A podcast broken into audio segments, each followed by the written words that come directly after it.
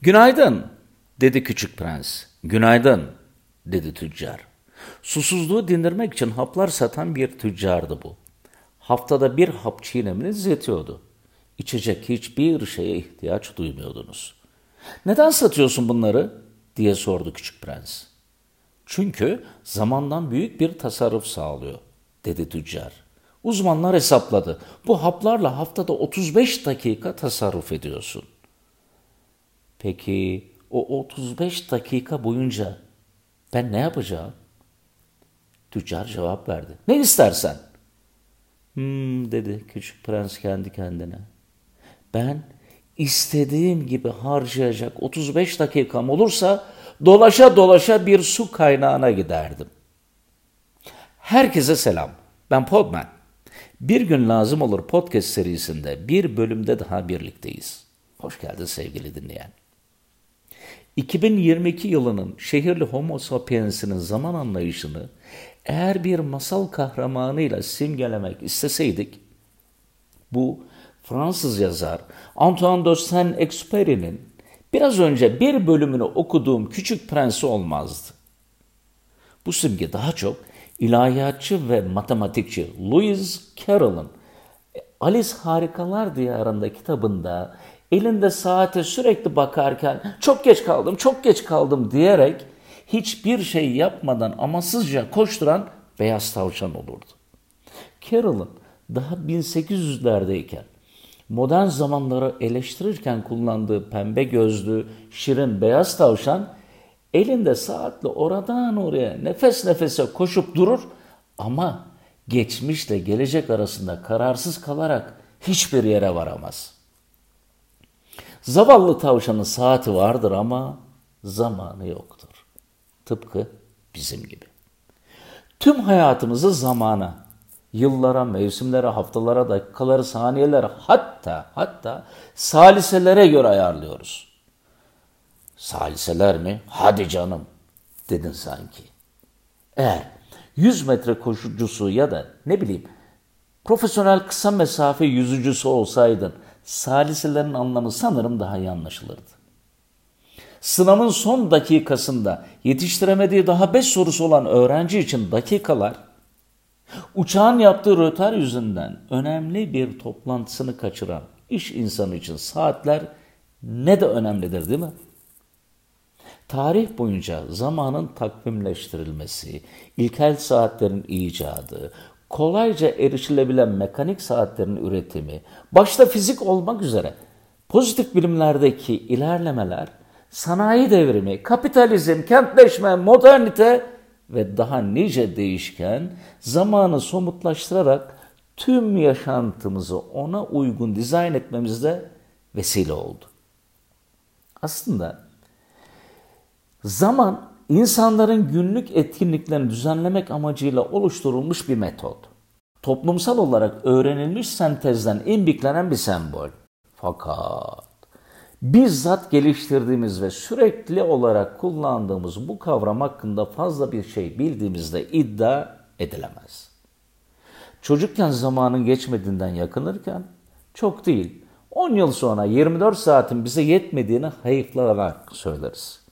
Ancak bizi bütünüyle kuşatan zaman kavramının ne olduğu sorusunu cevaplarken de epey zorlanırız.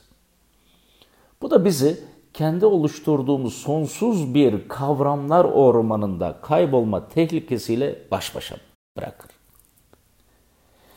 Dünyada en uzun ve en kısa, en hızlı ve en yavaş, en bölünebilir ve en geniş, en az değer verilen ve en çok özlenen, kendisi olmadan hiçbir şey yapılamayan, tüm küçük şeyleri yok edip bütün büyük şeyleri yaşam ve canlılık veren şey nedir diye sorar. İngiliz fizikçi Michael Faraday ve sonra kendisi cevap verir. Zaman. İşte bu beni benden alıyor. Peki gelelim podcast'in bir gün neden 24 saat sorusunu cevaplandırmaya. Sahi siz hiç merak ettiniz mi? Bir gün neden 24 saattir? Neden 23, 25 ya da ne bileyim 10, 100 değil de 24? Zaman insanlık tarihi kadar eski bir kavram olmalı. Tarihin tozlu sayfalarında kaybolmuş en eski ve en ilkel kabilelerde bile zaman kavramının olduğundan eminim. Aksi halde sizce de kaos olmaz mıydı? Şu konuşmanın eski zamanlarda bir gün bir mağarada geçtiğinden adım gibi eminim. Kadın konuşur. Sen anca yat. Yiyecek hiçbir şeyimiz kalmadı. Adam cevap verir. Tamam ya of. Sabah olsun bir ceylan avlar getiririm. Kadın devam eder. Rahat adam. Sen zaten hep böylesin. Bugünün işini yarına bırakırsın. Zaten yarın annemler gelecek. Ceylan eti sevmez o balık sever. Bırak ceylanı sen hemen balık avla. Adam konuşmayı sonlandırır. Yahu yarını bekle be hatun. Gece gece nereye gideyim gün aydınlansın hele. Sabah, bugün, yarın gün aydınlansın. Sevgili dinleyen, henüz yontma taş devrinin bile başlamadığı dönemlerde kısa bir konuşmada bile zamanla ilgili dört kavram geçti. Atalarımız avcı toplayıcılıktan tarıma geçerken zamanı anlama ve kullanma ihtiyacı da birlikte ortaya çıkmış. Öyle ya, bitkileri ne zaman ekip ne zaman biçeceğinizi bilmezseniz aç kalırsınız. Ceylan avlamak da artık eskisi gibi kolay değil. Pazar daraldı, aslan sayısı arttı. Bu zorunluluk atalarımızı gökyüzünü izlemeye ve gök cisimlerindeki hareketler ile zaman arasında bağlantı kurmaya zorlamış. İşte bu günümüzden tam 10 bin yıl önce gerçekleşmiş. Gün, ay, mevsim, yıl.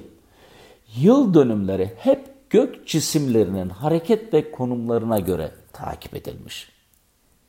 6-7 yaşlarındaydım. 100 kuruşun 1 lira olduğunu öğrendim.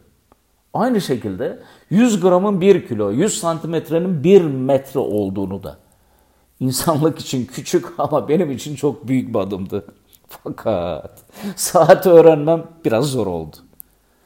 Yarım saatin 50 dakika mı yoksa 30 dakika mı olduğu hususunda ilk çocukluk yıllarında bir süre beyin yaktığımı itiraf etmeliyim. Kardeşim neden 100 dakika 1 saat değil? Niye benim kafamı karıştırıyorsunuz? Metrenin, kilonun, liranın dörtte biri 25 ederken saatin dörtte biri neden 15 oluyor? 12'ye bölünmüş bir dairede 24 saati anlamak gerçekten de o yaş için hiç de kolay değil. 6-7 yaş çocuğunun kendinden hatta anne babasının da çocuğundan şüphe ettiği ilk yol ayrımı işte bu saat olayı. Günün neden 24 saat olduğunu sevgili dinleyen Güneş de merak etmiş. Ben de onun için araştırdım ve gördüm ki bu taşın altında da Mısırlılar var. Piramitlerin gizeminden bahsederken kadim Mısır uygarlığının çağının çok ilerisinde olduğunu söylemiştim. Şimdi efendim dünyanın ilk takvimini hatta ilk saatini de bu Mısırlılar keşfetmiş. Matematikçi, astronomi ve eski çağ tarihçisi Otto Neubauer Mısır takvimini insanlık tarihi boyunca yapılmış en akıllı takvim olarak nitelendiriyor. Mısırlıların takvimlerinde bir yıl 30'ar günlük 12 ay ve her yılın sonunda eklenen 5 gün ile birlikte toplam 365 gün. Mısırlılar ilk başta 6 saatlik farkı gözden kaçırmışlar. Ancak daha sonra Nil'in taşma zamanında Sirius yıldızının konumuna dikkat ederek bugünden tam 4795 yıl önce milattan önce 2773'te yılın 365 gün 6 saat olduğunu hesaplamışlar. Modern takvimden tek farkı mevsim sayısını tarımı dikkate alarak sel, tarım ve hasat olmak üzere 3 mevsim olarak tespit etmişler. Bu Mısırlılar günü de 24 saate bölmüş efendim. Geceye 12 saat, gündüze 12 saat tahsis etmişler. Hemen hemen aynı dönemlerde zamanının çok ötesinde şehir hayatı ve bilime sahip adeta medeniyetler beşiği diyebileceğimiz bir başka coğrafyada, Mezopotamya'da, Sümerler'de benzeri çalışmalar yapmışlar. Ay, güneş ve yıldızları takip ederek bir takvim oluşturmuşlar. Sümer'de yıl 354 günmüş. Kimi aylara 29, kimisine 30 gün tahsis etmişler. Önceleri günü 20 saat kabul etmişler, sonra onlar da 24 saatte karar kılmışlar. Eski Mısır takvimi 365 gün saymanın dışında hiçbir güçlüğü, zahmeti olmayan son derece basit ve anlaşılır yapıda takvimler için gerçek bir sorun olan artıklama kurallarından uzak, hiçbir ek hesaplamaya gereksinim göstermeyen kullanışlı bir takvim. Bu özelliği sebebiyle de bu takvim Helenistik dönemde özellikle Yunanlı gökbilimciler tarafından gün belirlenmesinde kullanılan tek takvim olmuş. Mısır gibi neredeyse bulutsuz bir gökyüzüne sahip bir yerde güneşin gökyüzündeki konumu zamanı belirlemek için en kullanışlı yol. En eski güneş saatlerinin de Mısır'da bulunması şaşırtıcı değil elbette. Kuma bir sopa saplamışlar, gölgenin uzunluğuna bakarak zamanı tahmin etmeye çalışmışlar. Süper. Günümüzün ihtiyaçlarına cevap vermeyecek kadar ilkel ama o çağ için muazzam bir keşif. Fakat bu saatin küçük bir kusuru varmış, geceleri zamanı göstermiyormuş. Milattan önce 4000'lerden bahsediyoruz. O kadar da olsun sevgili dinleyen. Firavun'un aşçısından başka sabah işe yetişecek kimse yok ki. Fakat bu aşçının sürekli işe geç kalması illallah dedirtmiş Firavun'a. Bulun kardeşim bir çaresini yoksa sıkacağım bacağınıza demiş. Bu emirden sonra güneşten bağımsız su saatleri icat edilmiş yine Mısır'da. Büyük su saatleri zamanı ölçmek için uygun ama hacimleri sebebiyle kullanışsızmış. Dünyanın çeşitli yerlerinde tarihi su saatleri bugün hala sergileniyor. Bunların en ünlüsü hangisi biliyor musunuz? Hemşerimiz Cizreli İsmail bin Rezzaz yani El Cezeri'nin yaptığı filli su saati. Biliyorsunuz El Cezeri aynı zamanda robotiğin de babası. Daha kullanışlı olan küçük su saatleri sürekli zamanı ölçmek için değil, belirli bir sürenin başlangıcını ve bitişini göstermek için kullanılmış. Milattan sonra 800'lerde ise kum saati bulunmuş fakat bu saatte zamanı değil belli bir sürenin başlangıç ve sonunu gösteriyormuş. Bu sebeple su ve kum saatleri kendilerine özellikle tapınaklarda kullanım alanı bulmuşsa da toplum içinde çok yaygınlaşamamış, insanlık yine güneş saatine dönmüş. İlk güneş saatleri dediğim gibi gölgenin uzunluğu ve yönüyle zamanı gösteren basitçe yere yerleştirilmiş kazıklarmış. Sonraki dönemlerde önce yine Mısırlılar ve Sümer, sonra Yunan uygarlıkları güneş saatini geliştirmişler.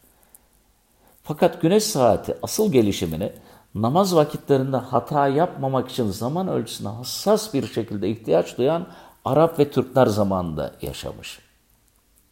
Bu arada dünyada en fazla güneş saati bulunan şehir İstanbul sevgili dinleyen. Evet İstanbul. Çoğu caminin, mescidin girişinde, bahçesinde güneş saati var. Birkaç örnek vermem gerekirse İstanbul'da Topkapı Sarayı, Aya İrine Kilisesi, Fatih, Yavuz Sultan Selim, Bayezid, Mihrimah Sultan, Sultanahmet camileri. Konya'da Hacı Hasan Mescidi ki bu Anadolu'daki ilk güneş saatiymiş efendim. Balıkesir'de Zanos Paşa Camii, Van'da Akdamar Kilisesi, Hakkari'de Koçanes Kilisesi, Antalya'da Mayra Aziz Nikolas Kilisesi bunlardan birkaç tanesi. Tamam da Podman, uzunluk, ağırlık ve sayma işleminde ondalık bir sayı sistemi kullanırken neden zaman ölçümünde 60'lık bir sayı tercih etmiş bunlar? Geldim efendim oraya. Mısırlar günü saatlere ayırırken gün ışığı tam olan döneme 10 saat, sabah ve akşam alacakaranlık dönemlerine birerden 2 saat tahsis etmişler ve gündüze toplamda 12 saat vermişler. Gün ışığının hiç olmadığı karanlık dönem ise yine 12 saatmiş. Neden 12? Bu sorunun cevabı da elimizde gizli sevgili dinleyen. Evet, elimizin yapısında. Onluk sayı sisteminin elimizdeki parmak sayısından esinlendiği neredeyse kesin gibi. Ellerimizde 10 parmak var. Hesap yaparken bu parmaklar işimizi kolaylaştırıyor. İlkokul 1'in ilk günlerini hatırlayın. Parmak hesabıyla toplama yaptığınız günleri.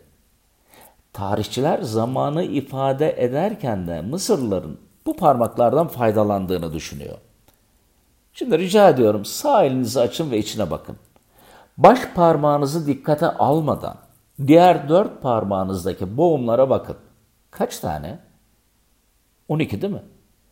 Dört parmak var ve her birinde de üçer boğum. Toplam 12 boğum.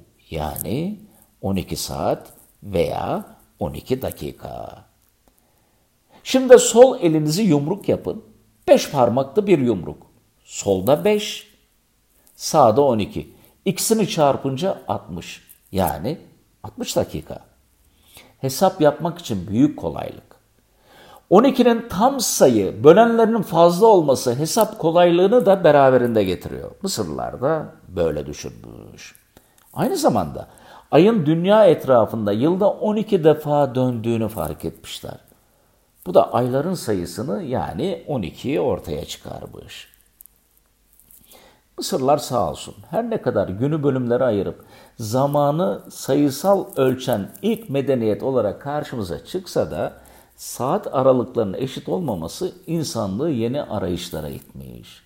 Bu noktada karşımıza antik dönem sonundaki Yunan medeniyeti çıkıyor. Dakika, saat, gün, ay, yıl kavramını daha metodolojik hale getiren astronom, matematikçi ve coğrafyacı başka bir hemşehrimiz İznikli Parkos. Milattan önce 147'de ekinoks günlerinde gözlediği 12 saatlik gün ışığı ve 12 saatlik karanlığa dayanarak günü 24 ekinoksal saate bölmeyi önermiş. Öneriyi yaparken de Mısırlıların zaman ölçüsüne devam ettirmiş ve matematik, geometri ve astronomide çok ileri olan Sümer'in 60 tabanlı sayı sisteminden faydalanmış. Bunun sonucunda tıpkı bugün kullandığımız gibi gün 24 saat, 1 saat 60 dakika, 1 dakikada 60 saniye kabul edilmiş. Peki Mısırlıları anladık. Onlar parmak boğum hesabı kolay olsun diye 60 tabanlı sayı sistemini tercih etti. İyi de Hipparkos neden 60 tabanlı sayı sistemini tercih etti? Çünkü kesirleri ifade etmek için en uygun sayı bu da o yüzden sevgili dinleyen. Çünkü 60 1'e, 2'ye, 3'e, 4'e, 5'e, 6'ya ve aynı zamanda 10, 12, 15, 20 ve 30'a bölünebilen en küçük sayı da ondan. Neleri düşünüyorlar? 14. yüzyıla kadar neredeyse her yerde güneş saatleri çok yaygın bir şekilde kullanılmış.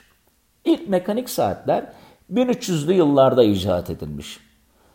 Serbestçe düşmesi engellenen, belirli bir yükseklikten yavaş yavaş aşağıya inen ağırlıkların çarkları döndürdüğü saatler epeyce yaygınlaşmış. Fakat bu saatlerin zamanı hassas bir şekilde ölçememesi ve günde yaklaşık 15 dakikadan fazla hata yapması Alman kilit ustası Peter Henlein'i çok rahatsız etmiş.